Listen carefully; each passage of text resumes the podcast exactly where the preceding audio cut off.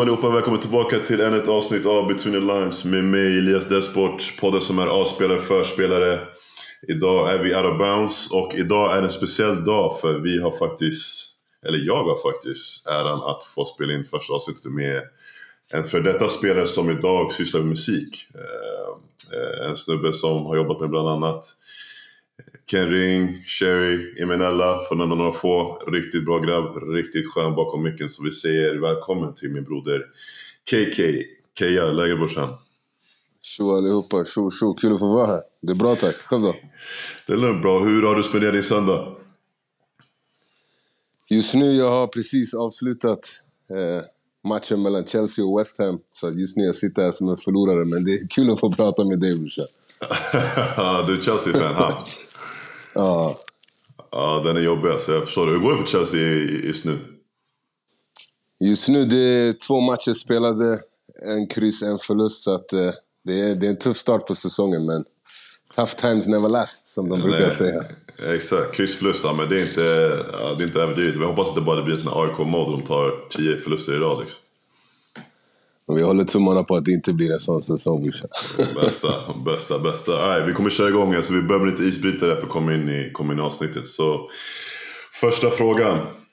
Vem är den bästa svenska spelaren som du spelat med eller mot?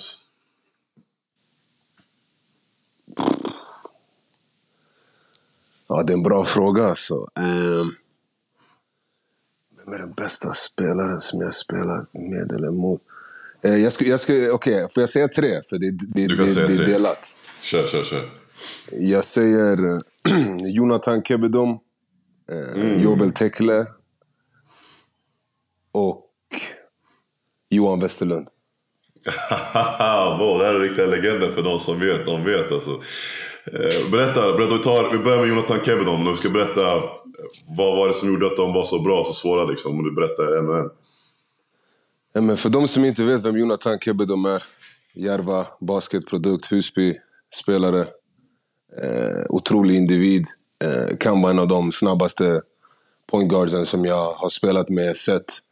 Och eh, det han kunde göra med bollen från ena sidan av planhalvan till den andra inom loppet av de få sekunderna som det tog sig för att ta sig igenom. Eh, aldrig sett någon kunna göra det han gör. Så att, otrolig spelare och, och, ännu, och, ännu, och ännu skönare person.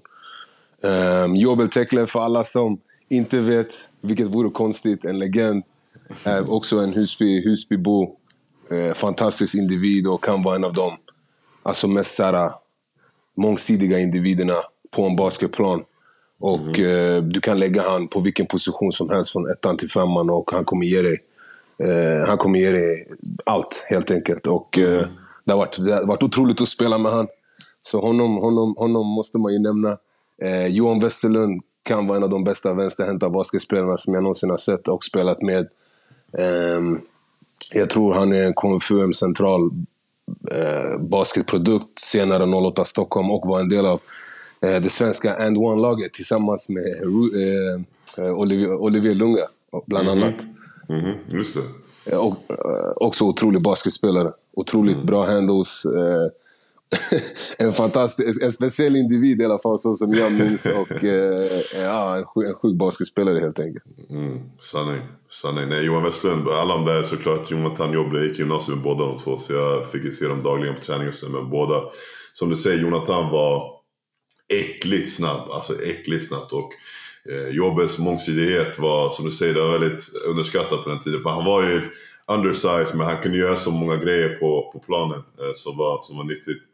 Och, eh, Mm. Väst, och Westlund var ju bara Westlund. Liksom. Westland, alla, jag menar, det är, i alla fall alla, i- alla i Stockholm vet ju Johan Westerlund liksom, hur, hur han var som spelare. Men, men han gjorde ändå några bra år i ligan också. Så, eh, Ja, ja.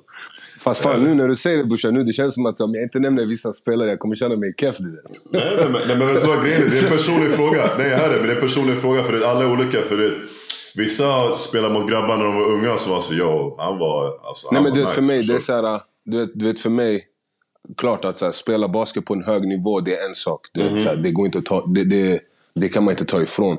Sen så har, precis som du själv sa, du, man har spelat mot folk som, som är nice, men som kanske aldrig riktigt fick den där chansen eller tog det där steget. Eller du vet, andra saker kom ikapp. Men det finns bra basketspelare brorsan, precis som det finns andra otroliga atleter eller musiker eh, som kanske inte du vet, får den där eh, statusen som vissa andra. Vilket inte mm. betyder att de är sämre. Utan, Nej, sant. Eh, men, men, men de här tre, sen om jag får kasta in två till brorsan. Jag hade sagt eh, Olivier Naim. Mm. Från också BK Järva. En av de mm. bästa trepoängsskyttarna jag sett i mitt liv. Alltså, mm han, han, han pull up från halva plan om det krävs. En kanon rakt av. Mm -hmm. eh, och sen jag måste säga till min bror brorsan, Binyan Fegado kan vara en av de bästa basketspelarna jag har spelat med all around. Mm. Så du, du har en hel startfemma alltså? Ja, jag var tvungen brorsan. Det kändes du vet. Mm, men, men de här grabbarna, om jag skulle få välja ett eget start, skapa ett eget basketlag med, du vet, individer som kan spela och som är, du vet, mm. ändå från området. Mm. Och, och, sen om jag fick göra en, två picks här emellan, jag skulle lägga den här femman brorsan. Den här femman, ja. Jag är, redo, jag är redo att möta vilken femma i stan som helst. Alltså. Ja, sköning, sköning. Vi går vidare till nästa fråga. Eh, MP3-spelare eller Spotify? MP3. MP3, han tog den. Känner nostalgiskund, ha?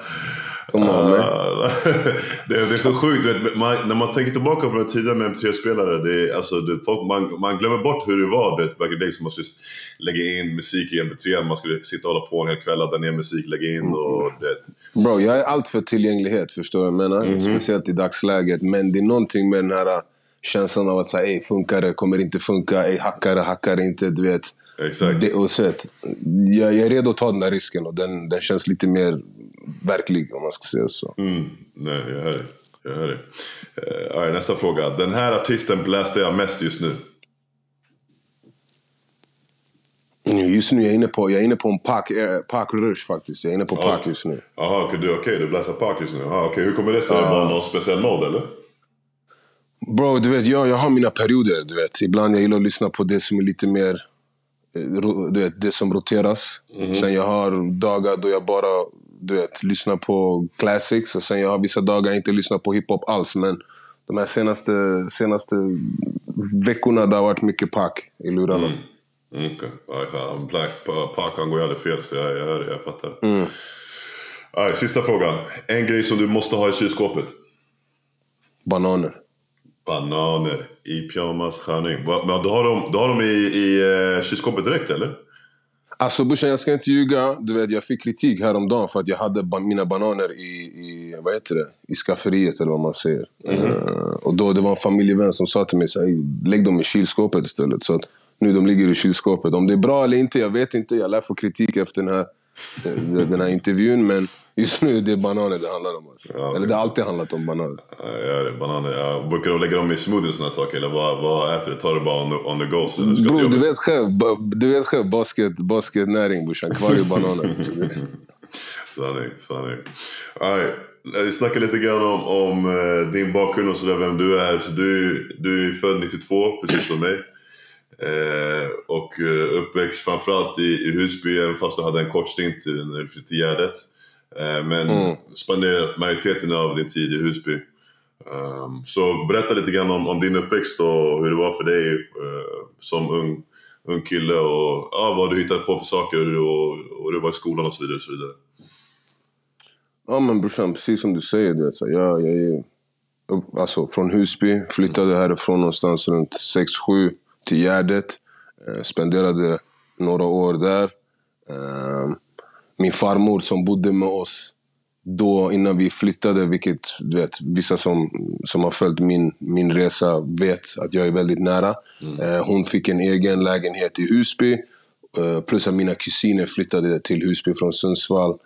Vilket blev ett så ganska naturligt sätt för mig att så här, fortfarande hänga kvar här. Så du vet, på lov, helger och och, uh, och andra dagar som jag kunde, jag, jag, jag försökte fortfarande liksom att här, vara kvar i Husby. Och sen någonstans där i, gymnasiet då jag flyttade tillbaka in med min farmor på heltid. Så jag har pendlat ganska mycket genom åren. Mm. Uh, men uh, så här, min uppväxt, alltså, den, har varit, den har varit nice. Förstår mm. du? Alltså, så många andra från, från Stockholm, du vet man har, man har en plats som man kallar för sitt hem och sen man har man har pendlat runt genom att åka in mot stan eller du vet, till andra områden där man har lärt känna människor. Om det inte handlat om basketmatcher, det kanske handlat om hemmafester eller du vet, mm. annat som man hittade på. Men, eh, Uppväxt fantastiskt. Jag har verkligen ingenting att klaga på nu när jag tänker tillbaka. Utan jag tror våran era var, var kanske den sista eran som verkligen fick känna den där, du vet, vad ska man kalla den här autenticiteten som kanske nu har försvunnit lite grann hos den nya generationen. Mm, mm, mm, Berätta om, hur var, det, hur var det för dig i skolan? Um, skolan, det var bra. Alltså jag var, jag var helt okej okay i skolan. Det, jag hade såklart helt andra intressen. Mm. Men eh, jag hade en, ändå ganska mycket, du vet, såhär, inte press, men jag hade ändå en farsa som var väldigt noga med att såhär, skolan kommer först. Mm. Um, och om inte jag liksom skötte mig i skolan eller fick de betygen som jag förväntades att få, då det var ingen basket. Så att jag, jag, jag skulle ändå säga att jag hade disciplin. Men precis som vilken grabb som helst brorsan, jag hade annat som, som ockuperade min, mina tankar. Mm. Mm. Jag hör det. Men, så när du flyttade till, till Gärdet, eh, hur, eh, hur kom det sig? Varför tog du det beslutet? Eller kanske inte var du som tog beslutet, men varför liksom? Nej, det var definitivt inte jag brorsan. Eh, nej, men det var farsans beslut. Jag tror han såg väl saker och ting som höll på att utvecklas i området som var bortom min förståelse. Um, så han gjorde ju det beslutet. Um, och uh, det var bara att acceptera brorsan. Alltså, det är klart att det var lite konstigt där i början. Det vet man som vilken, vilken ung person som helst. Man tänker ej varför. Och sen någonstans, man blir ju van ju mer tiden går. Men Alltså jag vet inte, det var speciellt. För alltså, om man har varit på Gärdet då man vet, det finns inte så mycket där. Fattar du? Det är inte, lite, mm -hmm. det är inte riktigt samma sociala eh, vardag. Utan du vet, när man är från orten, det är mycket gårdsaktiviteter. Du är på gården. Mm -hmm. Oftast det är mycket mer människor från kanske så andra delar av världen, så man har en helt annan typ av social tillvaro. Mm -hmm. Och där, du vet, det var lite annorlunda. Jag tror inte riktigt jag förstod det då. Jag var för liten för att kunna någonstans sätta de här tankarna i ord. Ehm, men ju äldre jag blev så förstod jag ju definitivt att så här, okay, det här är annorlunda. Jag är annorlunda. Men typ den där obekvämligheten som kanske kommer med att man befinner sig på sån plats blev någonstans lite typ ett vapen man använde för att bara ta sig igenom. Så att jag tror inte riktigt att jag processade liksom läget förrän mycket senare i, i livet. Fattar du vad jag menar? Mm -hmm. Och basket blev ju definitivt ett sätt för mig att hantera typ den, uh, den, den tillvaron. Mm. Mm. Så du nämnde att du fick tillbaka in med din, med din farmor eh, och ni har varit ja, men, som yin och yang liksom, i stort sett majoriteten av ditt liv. Eh, berätta om din relation till din farmor, för det är ändå någonting som jag ska säga, det är inte så vanligt att liksom, man har en sån tight relation med liksom, sina mor eller farföräldrar på det sätt som du har, som ändå har bott med henne i nästan hela ditt liv. Så berätta lite om er relation. Um, fan, vart ska man börja? Du vet? Nej, men, alltså, som sagt, alltså, hon har ju alltid funnits där för mig. Alltså, ända sedan jag föddes. Så att, hon är ju verkligen så här. Jag brukar skämta ibland och säga så här, det, det, det är min flickvän. Fattar du vad så, så, så, så, nära är vi och så, och så och sån relation har vi där. Vet, ibland man går varandra på nerverna och ibland vet, hon är den personen som ser och hör allt som händer eh, med mig innan någon annan får veta. Så att, jag, är jag är uppvuxen du vet, i en kultur där man tar hand om sina äldre. Mm. Eh, jag var väldigt nära min mormor och morfar också, som tyvärr gick bort för några år sedan. Eh, min farfar, jag träffade aldrig han, så min farmor har varit liksom den här pelaren i vår familj som du vet, är från den gamla skolan, som har de här värderingarna och som sitter på den här kulturen och kunskapen som eh, många ibland kanske det söker efter när man försöker att så här, levla i livet i form av så här, spiritualitet och kunskap. Och mm. Hon har alltid funnits vid min sida och någonstans fungerat lite som en så kompass för mig. Så att jag tror vår relation har vuxit ganska naturligt eh, ända sedan jag var liten. Och eh, ja, jag hade nog inte velat ha det på, ett, på något annat sätt än så. Så att hon, hon, hon är min närmsta vän, alltså mm. mer eller mindre.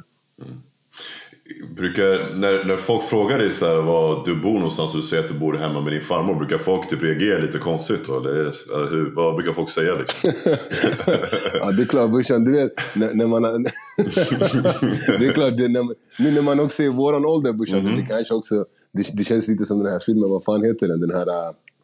Eh, vad fan heter den här Steve Harvey-baserade filmen när ah, shunon bor i sin... Ja, jag vet inte, jag kommer inte ihåg Det är lite den där moden, men du vet såhär min, min, min, min farmor har ju, hon bor ju också utomlands många, alltså många månader om året. Så det är inte som att hon är här hela tiden. Så att, så här, hon kommer ju tillbaka när hon du vet, är trött eller behöver komma och göra lite så regular checkups på sjukhus och liknande mm. saker. Så att, så här, många gånger av, av, av året så är jag ju så, alltså, så, så, så bor jag själv. Fattar mm, Så hon bor ju mm. mer med mig snarare än tvärtom. Mm. Men eh, det är klart att vissa, vissa tycker att det, att det är nice. Vissa tycker det, att det, det är fint. Och eh, som jag sa tidigare här, vi, vi kommer själva bli gamla en dag. Och mm. i vår kultur, det, det, det är så man gör. Man tar hand om sina äldre. Och eh, jag är tacksam att jag har fått spendera de här åren i mitt liv med henne. Och, eh, mm. Ja, jag, är, jag, är, jag är bara tacksam så jag bryr mig inte så mycket om vad folk tycker. Sanning. Nej, det är det. Jag hör det. Uh, men, men, men, jag, är säkert en, jag är säkert en red flag för många oh,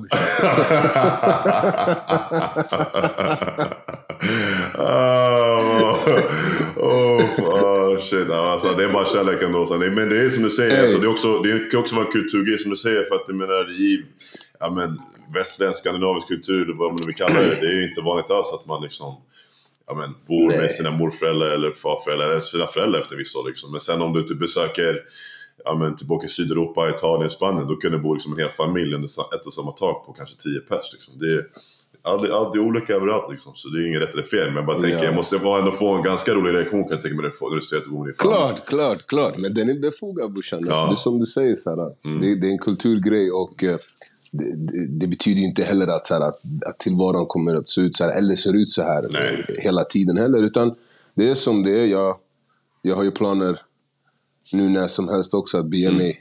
till, till nya destinationer. Så jag okay. menar, så länge som jag kan Bushan, jag är bara tacksam i slutet av dagen. Min farmor är 93. Du vet, mm. att, så här, mm. att, få, att, att eller hon är 95. Hon är 95. Mm. Så Ja, så länge, som, så länge som det går, jag är tacksam. Mm. Jag är tacksam. Kärlek, kärlek. Men så, du, som du sa, du kom ju på basket där när du, när du eh, flyttade till Gärdet. Och jag tänker, i sådana områden där, där det finns mycket kids och så, så är det ganska vanligt kan jag tänka mig att man prövar på olika sporter. Att man kanske ja, man går ut, man kanske träffar grabbar på gården och sådana här saker. Och, eh, var det också samma för dig att du testade på kanske det fotboll eller körde andra grejer innan du kom in på basketen? Eller var det basketen som Alltså grejen är, jag, jag, jag, jag, spelade fotboll först. Mm. Så jag spelade fotboll när jag bodde i Husby i eh, en förening alltså, eh, som hette eh, Järva FC. Så jag tror det som blev Kista FC hette mm. Järva FC innan. Mm. Så jag spelade fotboll. Um, så jag, var, jag, var, jag hade fotbollsdrömmar. Och sen, jag tror när vi flyttade Eh, då var ju jag tvungen typ att involvera mig i någon ny aktivitet. Så jag tror mm. farsan då han la mig eh, på allt möjligt. Ja. Simning, du vet. Eh, eh, fotboll i något annat lag, basket. Och sen jag höll på typ spela fotboll och basket samtidigt. Jag tror till och med jag gick på tennis i typ två månader innan farsan catchade sig själv. Okej, det här är lite för dyrt.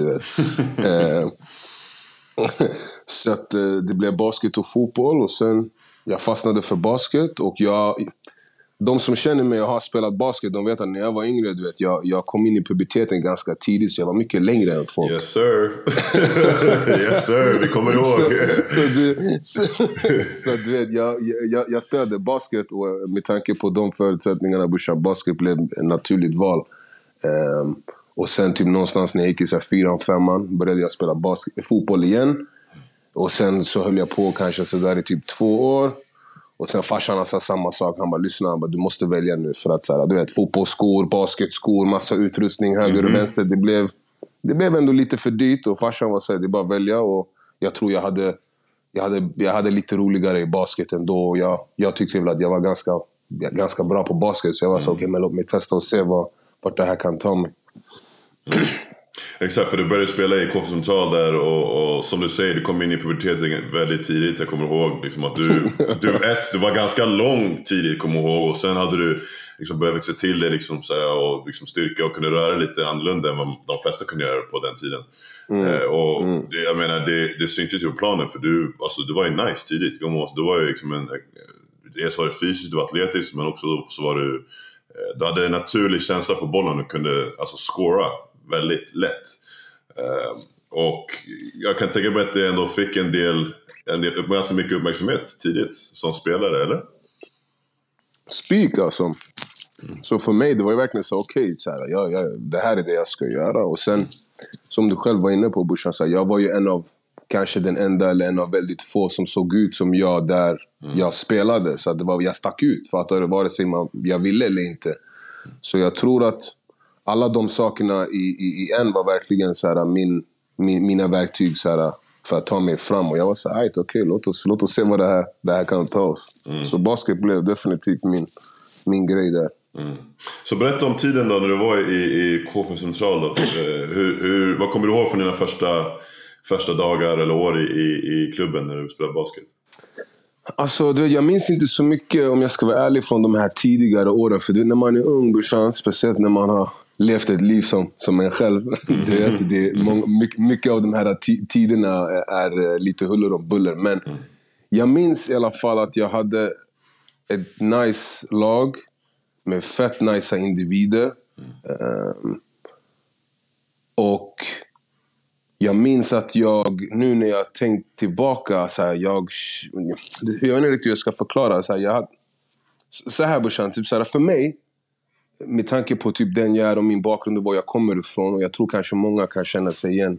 Speciellt när man är nice på någonting tidigt och man kanske har lite den här underdog-mentaliteten. Att säga, okej, okay, typ, det här är det jag ska göra, det här är mitt liv. Det, för mm. oss det var så här, jag tror, jag tror många som spelade basket, de var så okej, okay, men typ jag, jag ska bli proffs på det här. Fattar du vad jag menar? Mm. Det var typ lite den inställningen jag hade. Så för mig, det var verkligen allt. Mm. Och speciellt för att jag kanske, du vet, var lite annorlunda. Mm. Eh, och hade dem, och var, och var nice. Mm. Så för mig det var verkligen så okej, okay, typ det här, det, här, det här är det jag ska göra och ingen ska stoppa mig från att göra det här. Mm. Uh, och jag minns bara typ att min period där var fylld med väldigt mycket så här upp och ner. För jag fick, jag fick ta itu med fett mycket saker personligt. Mm. Dels för att jag typ var den enda som kanske hade den bakgrunden jag hade. Och många andra upplevde jag, som jag spelade med, kanske inte riktigt spelade basket för samma anledning som jag spelade. Fattar du vad jag menar? Mm. Okay. Och det, och, det är inte, och det är inte för att säga att någon inte typ var, var bra eller att någon inte var seriös. För att alla kom ju ändå och tränade. Men för mig det var verkligen så här, det, det, det här eller ingenting. Typ, jag, fattar, jag, menar? jag förstår. Så när inte jag kände typ att människor tog det lika seriöst som jag, jag blev dum du vet. Mm. Och eh, eh det, det, är typ lite det jag tänker tillbaka på idag. Vilket sen blev en av anledningarna till varför jag valde att här, lämna alltså, central för BK Järva. Mm. Um, för att jag kände typ att så här, okay, men folk tycker inte om basket lika mycket som jag. Folk vill inte spela i slutspelen. Folk vill inte, du vet, kanske det här lika mycket som jag. Mm. Uh, och det var någonting som jag kämpade med ganska mycket på den tiden. Men annars för övrigt, alltså, jag hade en nice period där. Jag lärde mig fett mycket om, om, om, om människor uh, som kanske inte vet, kommer från and, uh, liknande det, så bakgrunder och kulturer som jag. jag lärde mig eh, fett mycket om du vet, så här, hantera känslor. Eh, med tanke på att det är det idrott gör. Du vet, allt med att vinna och förlora. Eh, och jag lärde mig fett mycket också om alltså, hur jag skulle hantera mig själv som, som, som alltså en människa. Mm. Jag hade några fantastiska coacher under den perioden, bland annat Mike Banks. Mm. Just det, som, Mike som, Banks. Som, som, exakt, som jag vet att din, din, din familj är ganska mm -hmm. nära hans yeah, familj. Ja, yeah, for sure. Och, och, och, Mike var definitivt en person som sen när han kom in och blev vår tränare, han förändrade allt för mig. Fattar mm. du? Så här, inte bara som basketspelare, men som, så här, som, som man. Fattar du? -hmm. Mm. Och eh, det var en berg och dalbana brorsan, för att svara mm. kort. Men det var, mm. det var en väldigt lärorik period måste jag säga. Mm. Men så, du, när du väl bytte lag och flyttade hem så att säga till Järva och, och spelade med dem. Kände du att din, din mentalitet matchades mer när du kom till Järva med dina lagkamrater där än vad du gjorde i Central? Speak, alltså såhär i slutet av dagen, många av de grabbarna som spelade där, det var också människor som jag hade relationer med utanför. Fattar du? Mm. Så må många av grabbarna jag spelade basket med centralt, det var inte nödvändigtvis människor jag hade relation med utanför plan. Mm. Och, så att för mig, det var så här, okej, okay, det här är grabbarna hemifrån. Eh, jag, jag, jag, hade, jag ville alltid spela där, jag, men jag fick typ inte ha farsan för att han var så här, typ, du ska, du, här, här är du nu och här är det du ska göra. Fattar du vad jag menar? Mm. Och även om jag försökte du vet, såhär, göra lite byten, jag gick på träningar och sånt. Han var, det var såhär, nej. Eh, och just den dagen när jag var såhär, okej, okay, typ. Jag minns, det, jag minns det som igår, det är fett roligt. Så jag, tror, jag var tillsammans med en tjej då, så vi hade typ precis gjort slut. Jag tror vi hade tagit tunnelbanan, så jag hoppade av i Fridhemsplan. Jag var på väg mot Husby. Mm. Och sen så träffade jag några av grabbarna, då, Jonathan bland annat, och de, de var på Fridhemsplansperrongen. Så han bara Ey, typ, vart ska du? Och jag tror jag hade kommit från någon match själv. Så jag hade redan kläder i väskan. Mm. Så jag bara brorsan, jag ska, jag ska till Husby. Han bara Ey, vill du spela match med oss? Så jag bara vart? Han bara vi, vi är några grabb, av grabbarna, vi har samlat ihop ett lag typ. Han bara, men och vi är på väg, jag tror de ska spela mot polisen i Farsta. Mm, okay. Så jag bara typ, ajt. Så han bara, men bästa, han gav mig ett linne, typ. Sen på perrongen, vi tog typ en nice bild. Du vet såhär, ey, du är officiellt signad. um, och sen jag taggade till matchen med grabbarna, jag spelade och jag hade fett kul, du vet. Mm. Och eh, för mig det var bara så okej, okay, det är så här det ska kännas, typ. Mm. Um, och ända sen efter den dagen, uh, jag började träna med grabbarna, vi spelade. Då tror jag de själva, P90-laget, som är väl, alltså, välkänt i Stockholm mm. och i, alltså, i Sverige om du frågar mm mig. Mm De hade precis typ så här, brytits upp. Och jag tror de höll själv på att ta reda på vad de skulle göra med sin basket. Och sen jag tror typ säsongen efter, eller två säsonger efter, så blev ju det Järva-laget som sedan vann division 2 och gick upp till superettan. Eh, som jag fick möjlighet att vara del av. Så att, det kändes naturligt brorsan. Det var som att, såhär, att komma hem igen. Och jag kände som att jag var på rätt plats. Och jag, som jag sa tidigare inledningsvis, att jag spelade med några riktigt bra basketspelare. Och jag tror att det var det jag behövde. Att mm. byta miljö. Mm. Och jag tror ända sedan det klivet att mycket i mitt liv har gått så som det har gått på grund av liksom den transitionen. Så att jag tror bara det var, det var ödet att det skulle bli så. Mm. Så på tal om eh, när, den matchen som när ni vinner mot, eh, jag tror det var Eskilstuna va, för att gå upp till, till eh, det var Basketettan då på den tiden. Så var, exakt. Den finns ju faktiskt fortfarande på YouTube, så om ni, inte, om ni vill titta på någonting eh, någonting grynigt och old school från en, en, en, en, vad är det, typ en söndag eftermiddag i, i Husbyhallen. Gå och titta. Det, det är riktigt klassiskt material faktiskt. Ni, ni, ni, som, ni som lyssnar på det här, gå in och sök på den där matchen. Ni kommer inte ångra er. på gud. På tal om den matchen, och för folk som inte vet, och på tal om BK Järva. Berätta om Nordkaos. Uff, alltså vad, vad ska man säga? Det, det, det mest ökända och bästa supporter, supportergruppen som har funnits i Sverige. De, de tog sig från Stockholm till Sundsvall för att supporta Järvas damer. Mm -hmm. De pullade upp i Husbyhallen när vi spelade matcher med allt från Heja Ramso till liksom tifos till bengal. Allt möjligt du kan tänka dig. Jag tror, jag, jag tror inte Basket-Sverige har sett något sånt. Så shoutout till, shout till Nordkamp. Jag kan berätta, när jag var och såg en match i Husby Husbyhallen. Jag pratade med, med Kassim om det här på ett tidigare avsnitt. När, eh, jag tror det var i SM när Fryshuset eller 08 eller Söder Baskets U20-lag mötte eh, Järvas u så det var 90-årskullen vill jag säga. Eh, amen, Jobbe, Jonathan, mm. Stefan Rydell, alla de här som du precis nämnde. Eh, yeah. Och Nordkaos var på plats. Och jag kom, du var säkert på plats också, jag vet inte om du kommer ihåg den här matchen. Men jag kommer ihåg att när man kom in i, in i hallen det var så fullt. Alltså folk stod på baseline nästan. Alltså folk hade tårna ja, på baseline. Det var folk runt hela planen. Folk hade klättrat upp i ribbstolarna. Folk stod upp på mm. läktaren. Folk satt bakom. Alltså det var det sjukaste jag sett i en sån där liten hall. Alltså. Mm. Och, Nej, alltså en grej med, med, med orten, men speciellt Husby. Husby har alltid varit en sån här, ett område som supportar mm. Alltså all, alla, fattar du? Jag menar, låt det vara du vet, fotboll, det är basket, det är musik, det är någon som har du vet, startat något eget företag. Mm. Eller du vet, någon som har typ helt plötsligt du vet, så här, är aktiv i, inom vilket område som helst. Alla är där och supportar. Och det där var alltså, tidigt alltså supportersystem alltså i idrott, i basket, som jag tror inte någon hade sett mm. förut. Ja, vi var själv chockade, jag kommer ihåg när vi värmde upp. Vi hade ju fått höra, vi kände ju folk, förstår inte för att nämna namn. Du vet. Mm. Men, eh, vi, och, och, de var såhär, typ, vi kommer. Det, så att, eh, när vi såg det där själva, vi var såhär, okej, okay, typ, det, det är press. Mm. Förstår du? För lika mycket som folk från Husby är där och supportar brorsan, om, om du torskar, du kommer få höra det. Ja, sanning. sanning. så att, det, det, var, det var bra tider alltså. Ja.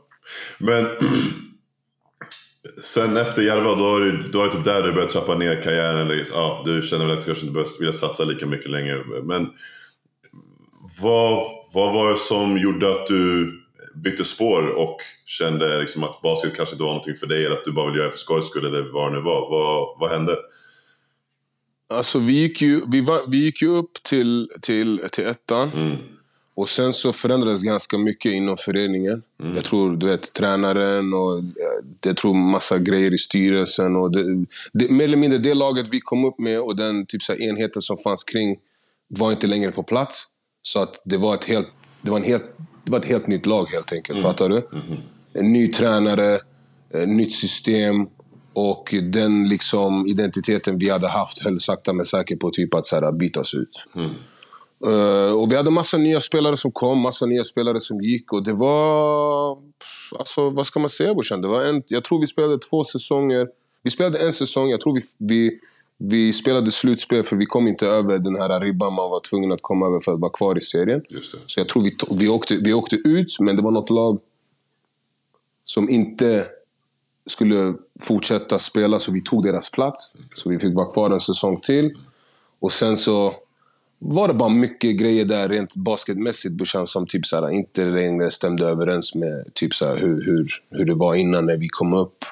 Jag höll på att göra musik personligen samtidigt och sen typ, jag släppte en låt, två låtar och jag började få lite traction. Spelningar, du vet, pengar. Och du vet, man kommer sakta men säkert upp i den där åldern där man också börjar reflektera lite över så här, ey, typ okej, nu jag har släppt en, två, tre låtar här och nu jag får typ göra lite spelningar och pengar. Här, jag har spelat basket så här länge och nu har jag kommit upp i den här åldern, du vet så här, vad händer? Förstår du? Jag fattar. Så när många av grabbarna också lämnade laget, då tänkte jag också lite så här, okej, det kanske är dags för mig att så här, göra andra beslut. Så jag valde att satsa på musik istället, sanningen. Jag fattar. Men alltså, du har ju ändå spelat efter det trots allt. Även fast det kanske var liksom inte, det var inte på sats, alltså, så- att du satsade. Utan det var mer för jag kan tänka mig att du kanske motionerade hade för skojs skull liksom, och spela med grabbarna och sådär. Alltså sanningen är, jag spelade inte basket där från att jag lämnade Järva. Jag tror inte jag spelade basket på typ så här två, tre år. Okej. Kanske mer. Okej. Alltså organiserat. För att det, var, det, var, det var en period där jag kanske sköt någon gång och gameade med grabbarna. Men, men inget så organiserat. Sen så vill jag minnas att uh, Husby Lions, som några av grabbarna från Husby satte ihop. eh, då, join, då joinade jag. Ehm, Berätta om det, för jag vill, jag, jag vill säga att uh, Husby Lions ändå skulle... eh, det verkade som ett tag fall att det skulle bli som nästa stora grej liksom, Husby. Att det ändå var en seriös satsning och att eh, liksom, de ska organisera sig och bli ett seriöst lag. Eller stämmer det? Um, alltså jag ska vara helt ärlig brorsan och säga så här jag, var inte så, alltså jag hade inte så mycket koll på alltså så här, strukturen kring Husby Lions och vad målsättningen var. Fattar du? Utan för mig det var mer så här, okej grabbarna eh, var så här, okej det är typ, den här möjligheten finns. Eh, det här är typ vad vi tänker att vi gör. Det här är de som ska vara med. Typ vill du vara med? Så jag var så här, "Ajt, självklart. Förstår du? Det är Husby, det är grabbarna, det är hemma. Jag spelar hellre här än någon annanstans. Fattar du? Sen exakt vad planerna var och hur det såg ut rent strukturellt, sånt där, jag har inte så bra koll på så jag Okej. kan inte uttala mig. Men jag tror, är man från Husby, hör man att det finns ett basketlag från Husby och man såg vilka som spelar, jag tror förväntningarna automatiskt är ganska höga just för att det var den kvaliteten som fanns i det laget. Fattar du vad jag menar? Men vi spelade i tvåan, tror jag, två säsonger i rad. Jag, tror vi, jag vill minnas att vi vann serien båda åren i rad. Vi hade en ganska hög vinstmarginal. Men eh, jag tror ekonomin och rent strukturen kring kanske inte tillät oss från att gå upp. Sen om målsättningen ens var att gå upp, jag vet inte. Men det var kul brorsan. Det spelade inte så stor roll om du frågar mig idag. Nej. För mig det var bara nice att så här, spela i Husby. Ge, ge, ge området någonting att titta på och, och, och gamea. Och f- alltså, det är det viktigaste egentligen. Berätta lite grann om... Eh, för det har ju varit så också att du och eh, Binta Dramma har faktiskt också haft basketläger eh, på somrarna i Husby där ni eh, kids får komma från, ja, framförallt Järvaområdet då, men eh, ja, det kommer kids från överallt kan jag tänka mig som får komma på camp och det är väl ungefär, vad är det, några dagar, fyra, fem dagar kanske om vi inte är helt ute och cyklar. Eh, och där är alla, allting är gratis också, eller hur? Det stämmer. Vi, vi har haft två stycken basketläger. Ehm, och vi har haft den under en helg. Mm. Ja, helg var ju så. Eh, Ja, så att eh, den ena, det första året vi gjorde, då var det liksom bara basket en helg eh, i Husbyhallen. Eh, helt gratis, kostnadsfritt. Jag och Binta. Mm. Eh, tillsammans med en massa eh, andra individer från området som ställde upp som volontärer. Mm. Um, och sen andra året gjorde vi det tillsammans med Folkets Husby, uh, Unga Örnar. Um, och sen uh, hade vi även en fantastisk uh, yogainstruktör och utbildning och alltså mat mer eller mindre. Mm. och Melli som ungdomarna, ungdomarna fick. Och jag tror Adidas var med, exakt. Mm. exakt Adidas. Um, och det är ett projekt som vi har hållit på med. Uh, vi har haft ett litet avbrott nu de senaste två, två somrarna. Mm. Uh, men förhoppningen är att, uh, liksom att, att fortsätta med det projektet. Mm. Och vi har fått fantastisk feedback och det har varit fett kul mm. att här, få göra någonting med basket i området. Mm. Det, speciellt tillsammans med Binta.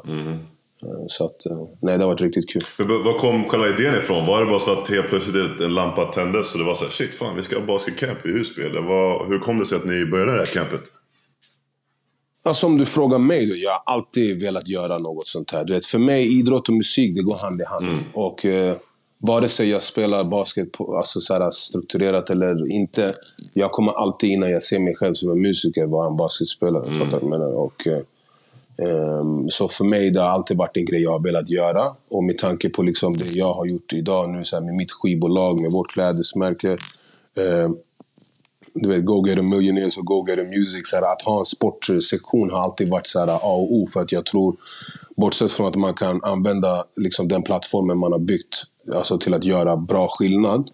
Um, och att ge tillbaka om, om det är det man vill säga så har basket varit liksom ett naturligt verktyg för mig att connecta med människor. Mm. Uh, och det märker jag till och med i, i, musiken idag. Många människor som jag känner, som lyssnar på mig, det, det har, de kommer från basket. Och uh, hiphop och basket går hand i hand. Så för mig det var så ett självklart val. Mm.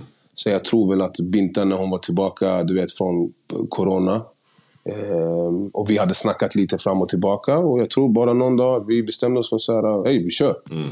Och um, sen, sen dess vi har haft eh, vi har fått möjligheten att, att, att, att göra basketlägret i Husby. Mm. Så att, mm.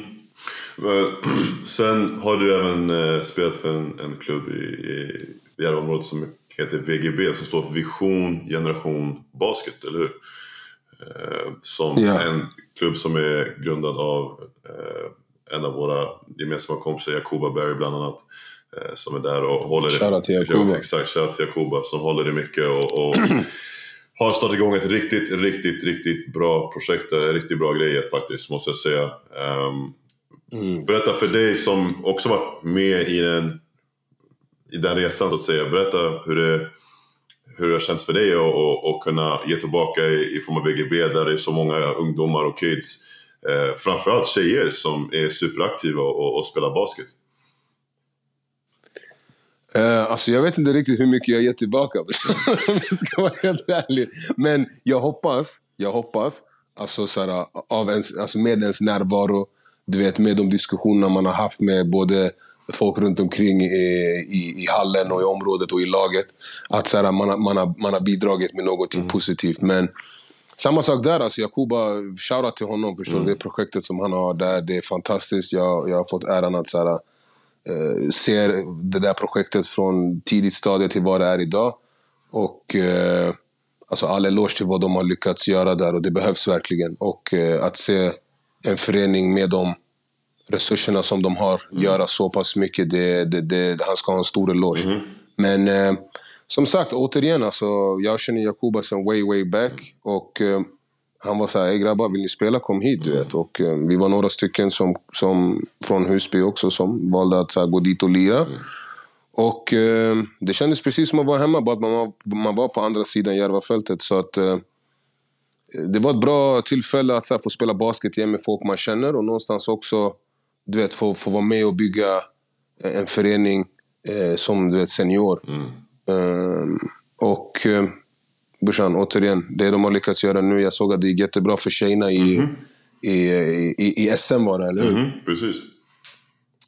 Så du vet, det, det, det, har varit, det har varit fett kul att få vara en del av den föreningen under den korta tiden som jag var där. Mm. Så att, eh, ba, bara kärlek. Mm. Bara kärlek. Men jag tänker ändå, alltså, även fast du, du tänker så här, fan jag vet inte hur mycket jag är tillbaka. Men jag tänker att det är, alltså, det är så viktigt för alla kids egentligen att ha någon typ av förebild. Så jag tänker du ändå som en vuxen individ och som ändå sysslar med musik. Och det kanske är många av de här ungdomarna som lyssnar på din musik liksom, utanför hallen eller i hallen eller vad det nu kan vara. Liksom, som kanske ändå ser upp till det. Jag tänker att det är viktigt att ha sådana personer i, i, i närhet liksom, med sina ungdomar som ja, men kanske vill ha, ha någon som kan socialisera sig med, som kan prata med, som också är från området och som man ändå kan eh, bonda och connecta över ja, men sporten, musiken, vad det nu är. Liksom, man kan bara skapa relationer. Så jag tänker allt sånt här är viktigt liksom, att ha. Oavsett vilket område klart, egentligen. Klart. Jag, så därför jag tänker, fan man är tillbaka. Jag, Klart! Mm. Alltså, nej, men, och det är inte för att säga att, alltså, att det är inte för att säga diminish mm. the, alltså, the impact, impact utan det är mer att jag tror när man själv är en person, i alla fall om du frågar mig, mm. det är väldigt sällan jag, tänk, jag tänker på Nej, det. det förstår jag. Fattar jag menar? Utan för mig, det, det, har alltid varit så här. Jag hade tur att jag, jag hade några nice OGs när jag spelade. Fattar du menar? Vissa som jag spelade med, vissa som jag inte spelade med. Alltså typ så här, och som kunde, men, men på vår tid det var också väldigt mycket, det var väldigt annorlunda brorsan. Det, det var annorlunda regler, så. det var annorlunda kultur, det, det var en helt annorlunda eh, epok bara. Mm. Så, här, så här, när någon äldre sa någonting till dig, du, vet, du var tyst. Det fanns ingen så här, prata tillbaka nej, nej, nej. eller så här, försöka förklara. Utan det var så här, okej, okay, typ, nu jag måste bara visa. Och, och till och med när jag har gjort om och gjort rätt, det är inte ens garanterat att jag får en klapp på min axel. Utan det är så här, det är bara det jag förväntas att göra. Mm. Så det var mycket hårdare på vår tid. For sure. Så för mig idag, ja, jag försöker bara vara mig. Jag har alltid försökt att vara mig själv brorsan. Mm. visst, musik och man har haft den möjligheten att få göra de sakerna man har gjort. Men för mig, eftersom att, som jag sa inledningsvis, att jag har alltid sett mig som en basketspelare först. Precis. Det är här jag kommer ifrån. Mm. Så jag har aldrig riktigt tagit med mig den där delen av mitt artisteri in i basketplanen. Mm. Mm. Fattar du vad jag menar? För, för, för, för, mig, för, så det, det har aldrig varit min grej, för jag är nice på basket. Jag vet att i slutet av dagen, du kanske ser mig som artist, men när vi väl spelar basket, mm. alltså fattar du vad jag menar? Mm. Ja, ja, jag kan spela med vem som helst. Mm. mm. Och eh, för mig det är alltid den mentaliteten som jag har haft. Mm. Så jag hoppas bara att alla de interaktionerna jag har haft med, med unga grabbar i hallarna, eller med det tjejer som har, som har befunnit sig i hallarna, som har eh, spelat, att, så att, att, att, eh, de orden som jag har delat med, med, med dem mm. har varit eh, bra ord och uppmuntrande ord. Och förhoppningsvis att de har tittat på mig och tänkt så här, så där som han gör, jag vill också mm. göra. För att människor tittar på andra människor mer än vad de tror. Än mer än vad man tror. Det gjorde vi också när vi studerade det, de äldre grabbarna. Det, hur rör de sig? Vad gör de? Och hur, hur bär de sig själv? Så att jag, det är lite mer så jag menar. Jag hoppas att jag har gjort någon form av impact på dem jag har träffat under min sure. basketresa. For sure, for sure. Men, Vare sig det har med musiken att göra mm, eller inte. Mm, for sure. Men på tal om musiken då, nu ska vi, vi byta spår. Eh, och det, det, är egentligen här varför, varför jag tog hit också och pratade mycket om, om musiken och sådär. För jag, nu har jag känt det ett bra tag nu, vi har många gemensamma vänner och sådär. Och jag menar, vi har spelat basket och som jag sa sedan vi var små. Eh, du tog en annan väg, valde musiken och det har ju gått ganska bra för dig måste jag säga. Men om vi backar tillbaka från dag ett. Du sa där ungefär när du var i Järva att du började eh, liksom, ja, men lalla lite grann musiken och experimentera lite grann och liksom hade två, tre låtar och liksom, saker började gå bra för dig där.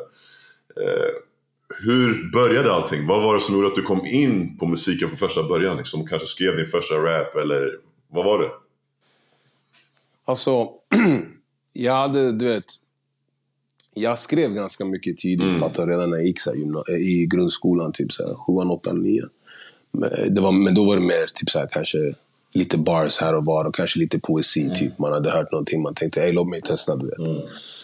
Och sen sakta men säkert med grabbarna från Husby, du vet, det blev bara naturligt att vi så här, Ja, men det fanns en, eller naturligt och naturligt, det fanns en studio på gården där i reaktorn. Mm. Ehm, för, de som, för de som känner till och inte känner till, det är en legendarisk alltså, ungdomsgård som idag inte finns kvar, mm. tyvärr.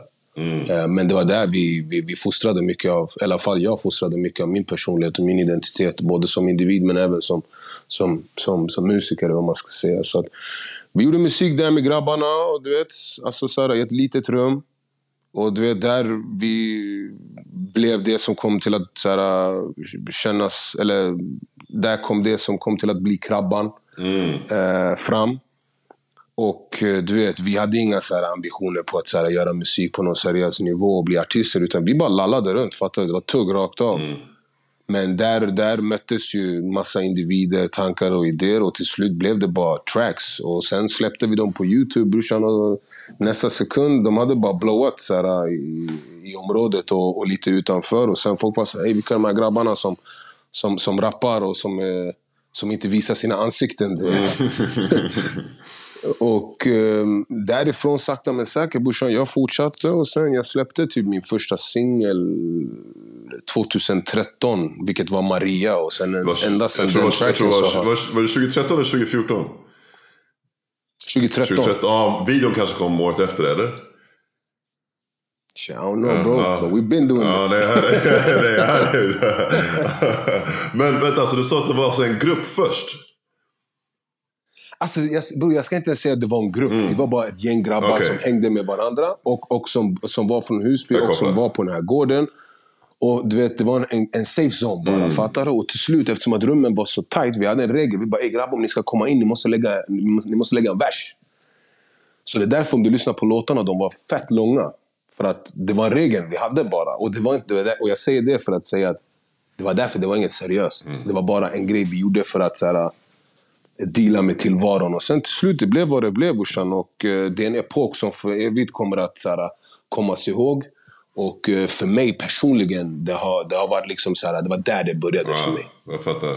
Så du berättade, du droppade din första singel eh, Maria 2013. För er som inte har hört den, vill lyssna, finns Spotify, YouTube och allt sånt där.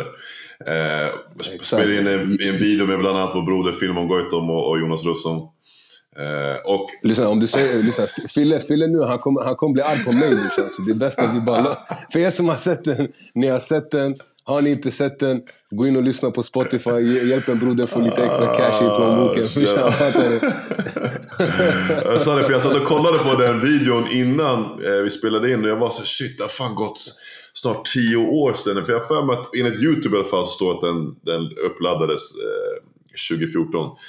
Vi, vi, videon kan ha kommit 2014, Mm. precis. jag, men, men jag är säker på om du kollar Spotify så 2013. kommer Maria-låten Okej. ut 2013. Så vi, vi, vi är tio år in. Ja nej, exakt, och det jag tittade, jag sa så här, shit det här är fan tio år sedan alltså. Ja, Det känns som det var igår. Och Ja. jag kollar på hur Ja. du ser ut, hur Filmon och Jonas liksom, alla ser ut som barn. Eh, och även hon, hon, hon tjejen som ska föreställa Maria i videon gick jag i gymnasium också. Jag glömde bort vad hon heter nu bara för det. Men, Ja, Ja, men, men det var bara så här sjuk flashback för jag kommer ihåg när låten kom ut. Du vet, och har jag också ett annat sätt att spela in videos på då. Och det är ändå bara tio år sedan kontra hur det ser ut nu. Alltså, nu är det ju superavancerat med Ja, det- drönare det- och allt vad fan det är. Liksom. Ja. Nu, för då var det var en kamera, man, man bytte vinklar och that was it. Liksom. Eh, Ja, alltså bro, ibland, ibland jag kollar tillbaka på den där videon och jag cringear som fan. Mm. Men sam, samtidigt, den, den, den, den säger så mycket. Mm. För att om jag tänker på typ vart, jag, vart jag var, tittar jag på vad jag har lyckats, eller vad, vad jag har gjort idag och hur mycket som har förändrats. Det, det säger ganska mycket, du vet. Så att, Förstår. eh, nej, det, det, var, det var... Den där låten, det var där det, var där det började, min, min soloresa. om man säger så. exakt, så det blev först Maria och sen så var det, efter det var det väl Leila, eller?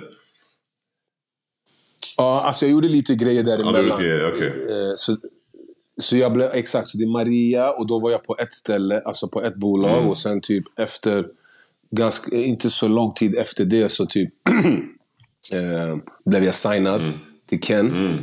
Ehm, och sen där släppte vi en låt som hette Vad händer lön? Mm. Vi gjorde en video på den i Husby också, den finns. Fortfarande en av de smutsigaste videosarna som jag gjort, som jag, som, som jag tycker är...